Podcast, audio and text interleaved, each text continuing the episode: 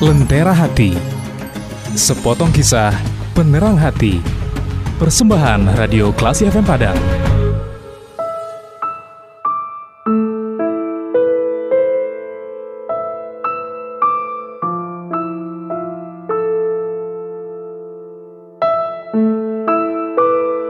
Assalamualaikum warahmatullahi wabarakatuh.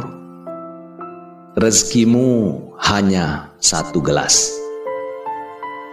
Classy people, kali ini kita bercerita tentang rezeki. Sesuatu yang dikejar-kejar oleh orang membuat dia mengorbankan daya, upaya, tenaga, waktu untuk mengejar rezeki. Tiap orang telah ditetapkan rezekinya, sudah ada kadar takarannya. Kalaulah takaran itu diibaratkan gelas, maka sampai tutup usia nanti hanya segelas itu saja yang akan kita nikmati. Lebih dari itu akan menjadi milik orang lain. Ada yang sudah berusia lanjut, namun gelasnya belum terisi. Jangan khawatir. Kenapa? Karena sebelum meninggal, gelas itu akan terisi penuh. Dan tidaklah suatu jiwa akan mati hingga terpenuhi rezekinya. Walaupun lambat, rezeki tersebut akan sampai kepadanya. Maka bertakwalah kepada Allah dan pilihlah cara yang baik dalam mencari rezeki. Ambil rezeki yang halal, tinggalkan rezeki yang haram. Hadis riwayat Ibnu Majah. Syekh Albani mensyahihkannya. Jika rezeki datang kepada Anda satu ember, jangan salah. Bagaimanapun cara memaksa rezeki itu dimasukkan ke dalam gelas, dia akan tumpah. Tak bisa dinikmati. Kalau harta yang datang satu tangki 12.000 liter, jangan sombong dulu. Jatah Anda hanya satu gelas saja, sesuai dengan takaran saja. Sisanya adalah jatah orang lain. Dia akan tumpah, banyak saja jalannya rumah terbakar, dicuri orang, dapat penyakit, keluar duit untuk mengobatinya, tersangkut perkara yang perlu biaya untuk mengurusnya.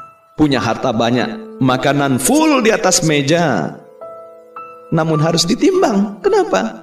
Barangkali karena diabetes, makan harus ditakar. Tak dapat dinikmati.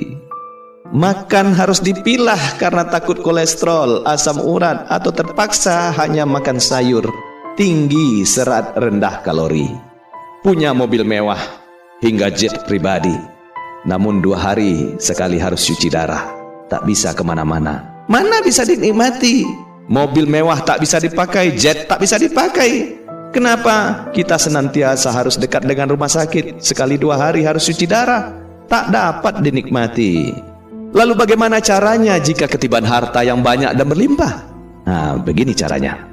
Bagaimanapun caranya apabila kita mendapatkan rezeki satu ember, maka apabila dipaksa masuk ke dalam gelas dia akan tumpah. Maka arahkanlah tumpahan dari gelas itu ke fakir miskin, anak yatim, bantu orang susah, panti asuhan, sebarkan infak, sedekah, zakat, dan banyak lagi. Ingat, anda tahan pun rezeki itu, dia tetap akan tumpah. Baju mahal yang disimpan akan jadi rezeki rayap atau lapuk. Rumah yang tak ditempati akan ditempati oleh makhluk lain. Ditahan untuk kemudian diwariskan semuanya, berarti itu bukan rezeki Anda. Maka Rasulullah Sallallahu Alaihi Wasallam pernah bersabda, sesungguhnya harta anak Adam itu hanya tiga apa yang ia makan, lalu ia habiskan. Apa yang ia pakai, lalu lapuk dan menghilang. Dan apa yang ia sedekahkan, lalu ia miliki. Selain itu akan lenyap dan segera ia tinggalkan untuk manusia. Hadis riwayat Muslim.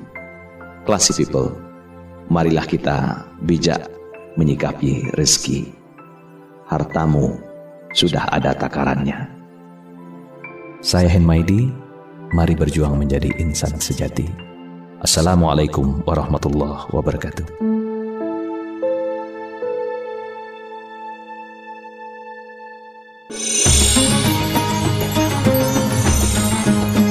Anda telah mencermati Lentera Hati, sepotong kisah penerang hati.